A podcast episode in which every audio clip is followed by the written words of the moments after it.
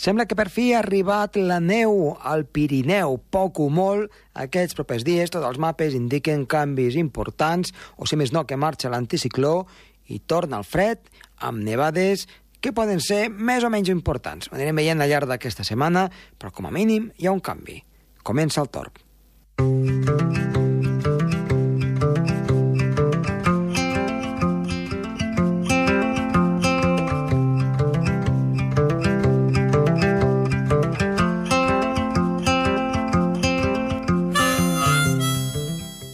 Doncs a veure si aquest canvi i també aquestes temperatures que van a la baixa són el preludi de que arribin ja per fi les nevades al Pirineu.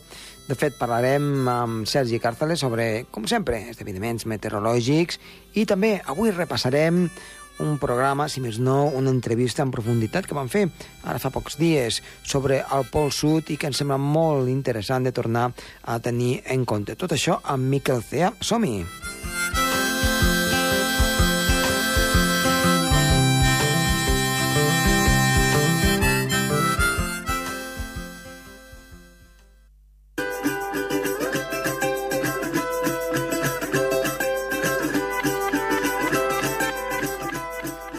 Iniciem el programa i parlem amb Sergi Càrceles. Sergi, molt bona tarda.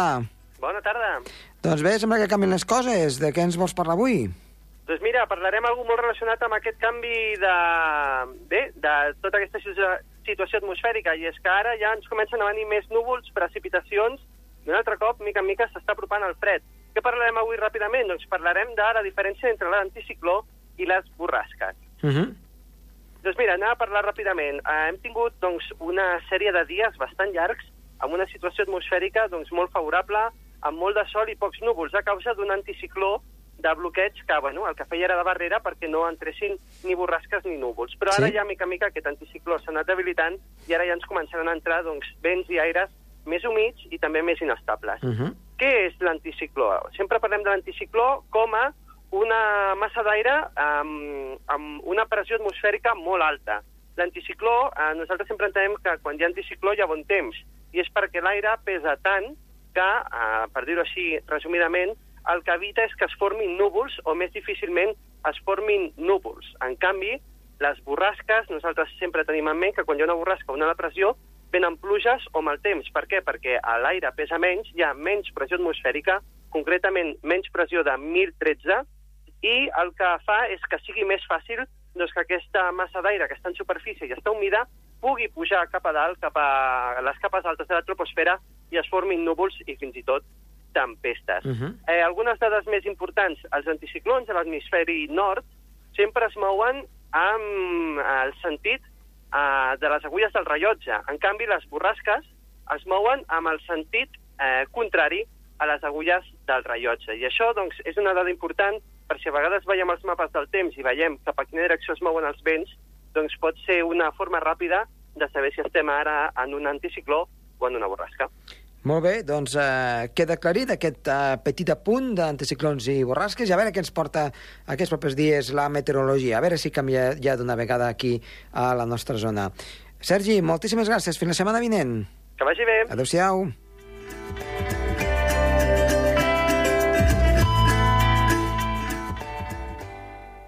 El Torb, amb Josep Tomàs.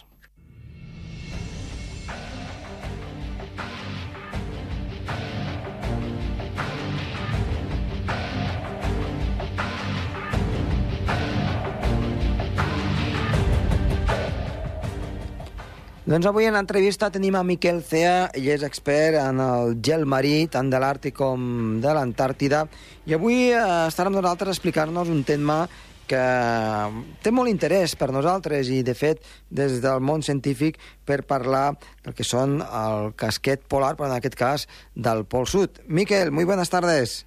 Hola, Josep, buenas tardes. Pues muchas gracias por volver a estar aquí en el programa TOR. Eh, hoy no hablaremos de la banquisa del Polo Norte ni del Polo Sur, pero sí que hablaremos un poco de ese casquete eh, que tenemos en, en, la Antártida y que muchas veces se habla que si se está deshelando, no se está deshelando, qué es lo que podría pasar. Y antes de empezar, solo a modo de, de anécdota, hace unas semanas hace unos meses que han salido algunas fotografías, incluso la NASA las ha mostrado, de algunos icebergs que parecen cortados a cuchillo, como si fueran rectángulos o cuadrados. Y eso la gente ha especulado que si era algún láser que habían enviado desde algún satélite. Tú que eres el experto, eh, ¿es normal que encontremos em, icebergs con estas formas tan mm, rectangulares o tan perfectas?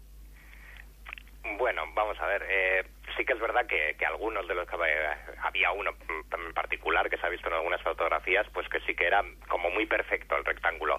Eh, pero sí, entra dentro de la normalidad. Es decir, ese, ese tipo de icebergs así de, de formato rectangular son icebergs tabulares y que muchas veces pues las plataformas de hielo que, que descargan los glaciares y que ya están flotando en el océano que en la Antártida pues hay muchas, muy extensas, pues tienden a, fracturarse, pues, pues usando, se van creando grietas y tienden a fracturarse en, figuras geométricas de ese tipo. La rectangular, aproximadamente, pues es, es muy habitual, aunque efectivamente pues, pues era llamativa la, la perfección que había adquirido en, este caso. Eh, bueno, pues aclarado esto y que sabemos que no es ningún extraterrestre ni tampoco ningún tipo de láser desde el espacio, eh, nada mejor que un experto que nos explique la realidad de lo que son las cosas, de lo que es la naturaleza. Y hablaremos precisamente de eso. Nos vamos a hablar un poco del, del, de este polo sur, de si se está deshelando, no se está deshelando. Las temperaturas a veces son de récord en cuanto a negativas. ¿Qué está pasando en el polo sur? Bueno, vamos a ver. El polo sur, la Antártida, como sabemos, pues, pues es, es un es un continente que está cubierto por un gran manto de hielo. Un manto de hielo, pues que en la zona del Polo Sur, por ejemplo, alcanza pues los tres kilómetros y medio casi de grosor aproximadamente.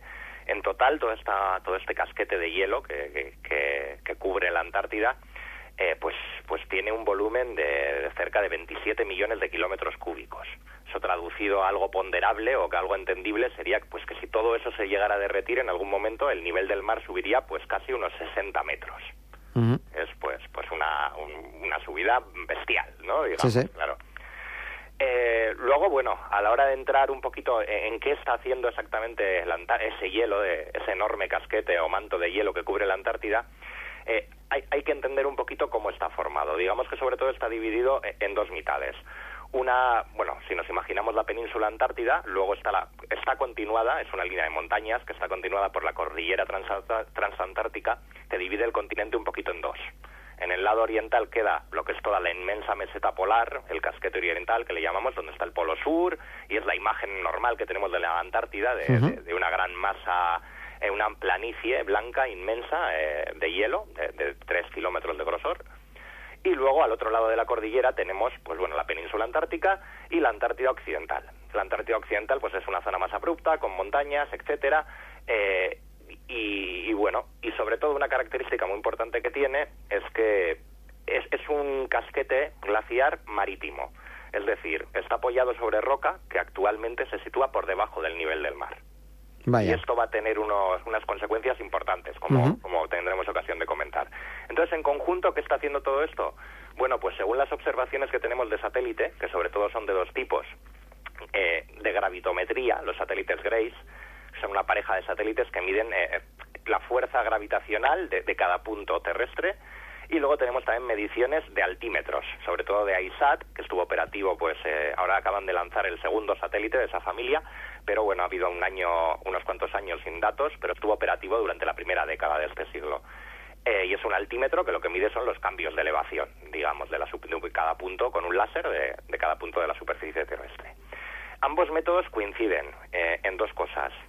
En que la Antártida Oriental, esa gran planicie helada, digamos, estaría ganando ligeramente masa, y en que la Antártida Occidental es otra parte más abrupta y con muchos glaciares que caen directamente al mar, plataformas de hielo enormes como la de Ross, etcétera, estaría perdiendo masa. En el conjunto total de los datos, según la gravitrometría, se estaría perdiendo masa en total, ahora diremos cuánta, y según la altimetría se estaría en conjunto ganando un poquito de masa. Vaya. Eh, de todas formas, sí que es verdad que no tenemos datos de altimetría de la última década, pero sí que han continuado los de gravitometría. Y lo que sí que se ha detectado también es una aceleración respecto de la pérdida de hielo de la década pasada a la pérdida de hielo de, la última década, de la, en el periodo ya 2012-2017. Eh, vamos a ver, ¿cuánto hielo sería? ¿Cuánta pérdida sería esta? Bueno, pues la pérdida anual durante la primera década del siglo habría sido de unas 75 gigatoneladas al año. ¿Qué quiere decir esto? Bueno, y, y luego habría aumentado bastante bruscamente durante los siguientes cinco años, y hasta 2017, a unas 250 gigatoneladas al año. Por tanto, positivo. A perder, a A perder. A perder, eso es, una pérdida mayor de hielo. Ya. Eh, ha habido una aceleración en esa última década. ¿Qué supone esto? De todas formas, nos puede parecer un valor muy grande, de todas formas, pero bueno, hay que tener en cuenta que 250 gigatoneladas al año suponen, por ejemplo, pues que en un siglo subiría el nivel del mar 5 centímetros. Lo cual, pues bueno, tampoco es una... Por sí mismo, digamos, el ritmo actual no es preocupante. No, no provocaría grandes efectos en el nivel del mar. 5 centímetros en 100 años, bueno, pues es algo perfectamente asumible. ¿Qué podría ocurrir? Bueno, también es, es interesante señalar que los motivos de la discrepancia entre estos dos satélites son tanto por, por el tipo de medida que hacen ellos, como no solo por eso, sino por porque en realidad, digamos que para saber qué está haciendo exactamente el hielo, eh, tenemos que saber qué está haciendo también exactamente el suelo, la roca o, o qué hay debajo. ¿Por qué? Porque si sabemos que el hielo pesa y cuanto añadimos más hielo, eh, el suelo se hunde para abajo. Y si quitamos hielo, por ejemplo, pues cuando al final de la última glaciación eh, comenzaron a deshelarse determinadas zonas, ahí el suelo comenzó a rebotar y puede estar rebotando todavía. Eh, bueno, depende de qué modelos se usen, la verdad es que los datos de satélite dicen que estaría en balance, que no habría cambio. Entonces, la clave es saber qué está haciendo el suelo debajo del hielo, si está rebotando o está hundiéndose. Hay algunos modelos que dicen que está rebotando, digamos, sobre todo en el casquete oriental, porque bueno, estaría habría menos hielo que en el último máximo glaciar. Y otros modelos, en realidad, dicen que está eh, hundiéndose porque desde que acabó la última glaciación, precisamente en un sitio tan frío como el Polo Sur, que es casi un desierto, donde apenas hay precipitación al año, eh, lo que ha ocurrido es que, bueno, sube algo la temperatura, aumenta la humedad, hay más precipitación y, por tanto, comienza a ganar masa. Y, por tanto, el suelo se estaría hundiendo y, por tanto, estaría ganando algo más de masa que, que lo que pensamos según según otros ajustes. Por lo tanto, hay que tener también en cuenta que tenemos unas incertidumbres muy grandes ¿eh? respecto a estas mediciones. Tienen márgenes de error que todavía pues, pues están por pulir. Por lo tanto, muchas de las noticias que nos llegan desde los grandes medios, eh, lo voy a decir así un poco brusco, ¿eh? son mentira. Bueno, mm, algunas pueden ser o pueden presentar los datos, estos mismos datos, que probablemente los den, pero de una forma pues quizá eh, más alarmista o Ya. En posibles escenarios de futuro, Ya, que son posibles. eh, y, y si te parece podemos hablar ahora de algunos de ellos. pues sí. y, y que sí que podrían ocasionar, porque bueno, 5 centímetros en 100 años a nadie le asusta. Pero si hablamos de un metro o de varios metros, desde luego sí que tendríamos Entonces un ya es, problema. sí, sí, es un problema más gordo en este, en este caso. Bien, eh, vamos a ver, ¿qué, qué, qué puede estar ocurriendo? Bueno, sabemos que esta pérdida, ya hemos dicho que sobre todo se, se debe a, a la Antártida Occidental, mientras que el casquete oriental, el más grande, donde está el Polo Sur, ganaría algo de masa, el occidental está pues, pues perdiéndola. ¿Por qué la pierde? Pues porque cada vez está descargando más icebergs, más hielo al mar. No porque se derrita hielo, sino porque lo descarga al mar. ¿Y la, la causa? ¿Por qué ocurre esto? Bueno, pues es que antes hemos comentado, es un casquete de hielo que por sus propias condiciones es inestable. Es decir, está apoyado en roca, en suelo que está por debajo del nivel del mar. Mm. Y llega hasta donde está el mar. Y además, eh, digamos, el suelo sobre el que se asienta en muchas zonas tiene pendiente descendente hacia el interior. ¿Qué provoca esto? Situándonos eh, eh, eh, hay que entender también, situándonos, un glaciar baja desde el manto de hielo, llega al mar, digamos, y ahí, bueno, sigue avanzando, creando una plataforma de hielo flotante sobre el océano. El agua se mete por debajo, pero si, si esa plataforma está apoyada en roca sobre el nivel del mar, no puede derretirla por debajo. Si está apoyada eh, por debajo del nivel del mar, sí que entra. Lo que sucede aquí en muchas zonas de la Antártida Occidental es que hay determinados puntos, determinadas, vamos a decir, cordilleras marinas o lo que sea, que sirven de apoyo a, a estos, a estas plataformas que, que bajan desde los glaciares. Pero detrás de estos puntos de apoyo, lo que nos encontramos es una gran pendiente descendente eh, de roca que ya cae por debajo del nivel del mar. En cuanto se supera uno de esos puntos, el agua marina penetra pues un montón de kilómetros hacia el interior por debajo de la plataforma de hielo y entonces pues acelera muy bruscamente eh, su deshielo, al ir comiéndoselo desde debajo. Y provoca también que todo el glaciar lo lubrica, etcétera, y provoca que, que acelere su velocidad de descarga también hacia el océano. Pero no es por causa de un aumento de las temperaturas. No está demostrado que sea por causa de un aumento de las temperaturas. Eh, sería por un aumento de las temperaturas de ese agua profunda, que sería la que estaría entrando y, y deshelando, pero en realidad parece que depende más de las características topográficas concretas de, de- de cada bahía o de cada lugar donde descarga cada glaciar. Por ejemplo, uno de los más grandes, una buena un buen porcentaje de la pérdida de hielo pues corresponde a él, es el glaciar de el Pine Island Glacier, el glaciar de la isla Pine, eh, que se calcula, bueno, se han hecho unos estudios, se estaba analizando, en 1945, justo eh, en su deshielo, que era pues como fuera, pero en ese momento perdió el apoyo de una de estas pues protuberancias submarinas, digamos, que le proporcionaba un punto de estabilidad. Y a partir de ese momento, pues el agua penetró bruscamente por debajo y desde entonces, pues ha estado pues soltando hielo mucho más rápido que antes y, a una velocidad que por momentos parece que podría estar acelerando. Eh, se especula con que, bueno, pues esto, si estos procesos se aceleraran, si se producen más glaciares, eh, todo el casquete, una gran parte del casquete de la Antártida Occidental podría llegar a colapsar en un plazo de, de pocos siglos, de 100, 200, 300 años, y podría llegar a causar una subida del nivel del mar pues de 5 o de 6 metros eh, en pocos siglos. Estaríamos hablando de algo grave. Mm, ¿Hay indicios de que eso realmente vaya a ocurrir? Bueno, no lo sabemos exactamente. No, no conocemos detalladamente, de- con suficiente precisión, la topografía submarina de toda la Antártida Occidental como para poder predecirlo. Y además, eh, recientemente también ha surgido pues, un estudio que, que nos pone otro elemento a tener en cuenta. Ya hemos comentado antes que tiene mucha importancia en, todo esto que sabemos eh, eh, el saber qué está haciendo el suelo, el rebote posglaciar, si el suelo se está hundiendo o si está rebotando, porque se le ha quitado el hielo que tenía encima. Bueno, unas recientes mediciones que se han estado haciendo con GPS en esta zona de la Antártida Occidental, cerca de- del glaciar de la isla Pine que comentaba antes y demás, eh, pues han detectado que, que el suelo allí pues es menos viscoso de lo que se creía y está rebotando pues bastante más rápido de lo que se pensaba. ¿Eso qué implica? Bueno, por un lado, tenemos que corregir las estimaciones de pérdida de hielo y se pierde un poco más de hielo de lo que creíamos, pero es un poco más. En lugar de 250 GT al año, pues serían 275. No cambia la figura de, digamos, no es un ritmo preocupante. Es, pues, la primera consecuencia de estas mediciones nuevas de GPS sería eso, hay que actualizar de 250 a 275 GT. Pero también nos indica una cosa, que es que según se va eh, derritiendo ahí el hielo, perdiendo, liberando ese suelo de hielo, rebota hacia arriba de una forma mucho más rápida de lo que se creía. Hablamos de bastantes centímetros eh, a la década. Eh, ¿Qué podría provocar esto? Bueno, pues que el suelo que actualmente en algunas zonas está por debajo del nivel del mar, al rebotar muy rápido hacia arriba, contribuiría a equilibrar, a que, a que el glaciar de nuevo encontrara un punto de apoyo por encima del nivel del mar que le permitiera detener este colapso y comenzar a acumular masa otra vez y a crecer. Por lo me estás hablando, a ver si... Todo esto lo- son hipótesis ¿Cómo? a futuro, a largo plazo, a los próximos 100, 200, 300 años. ¿Podría ocurrir un colapso? Podría. Hay elementos también que indican, por ejemplo, estas recientes mediciones, que no es tan posible que vaya a ocurrir eso, que hay elementos que autorregulan un poquito es- esa inestabilidad para que no, no haya cambios tan bruscos. O sea, podría ser que esto fuera como un ciclo que va sucediendo a lo largo de los siglos hasta que la misma roca se acabe por erosionar en los próximos millones de años, ¿no? Por decirlo de alguna manera. Sí, o bueno, dentro del proceso de, de deshielo del casquete, sí que es verdad que cuando terminó la última glaciación, el casquete occidental, además el nivel del mar entonces pues era mucho más bajo por la acumulación de mantos glaciares, tanto en el hemisferio norte como, como en la propia Antártida, eh, comenzó a retroceder.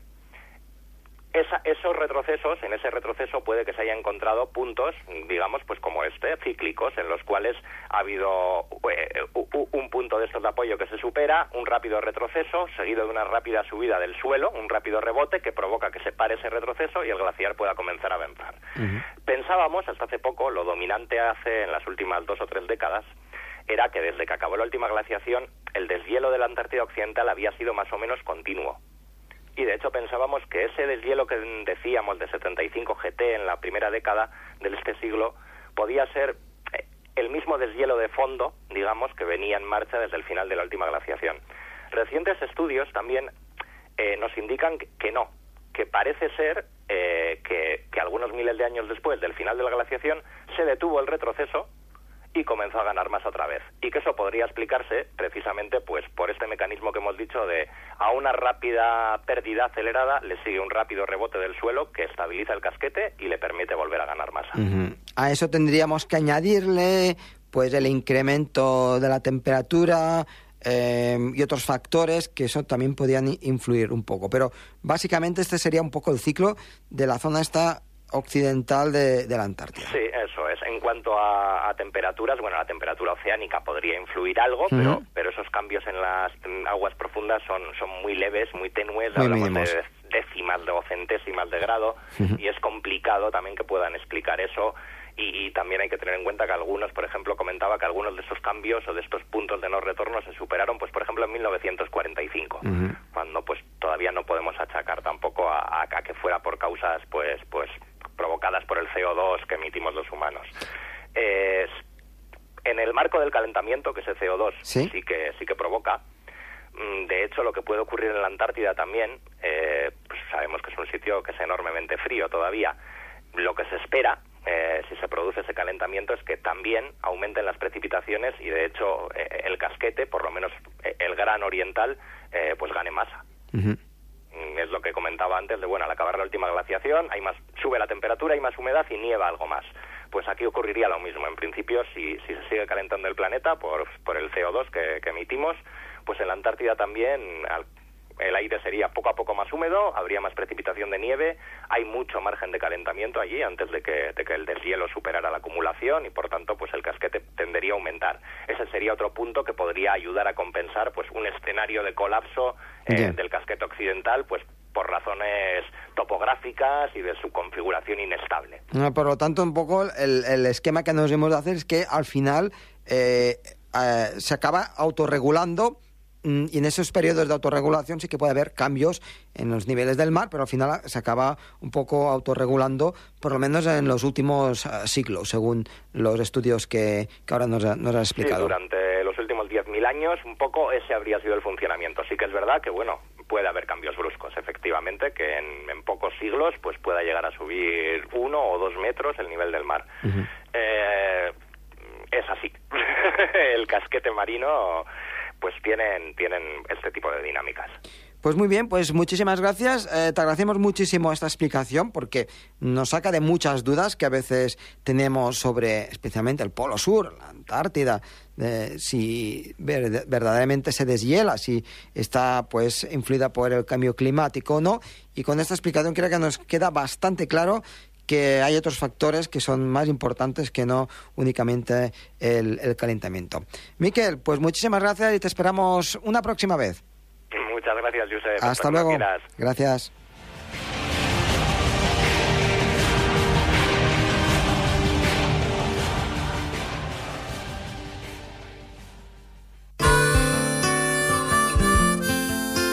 El Torb, amb Josep Tomàs.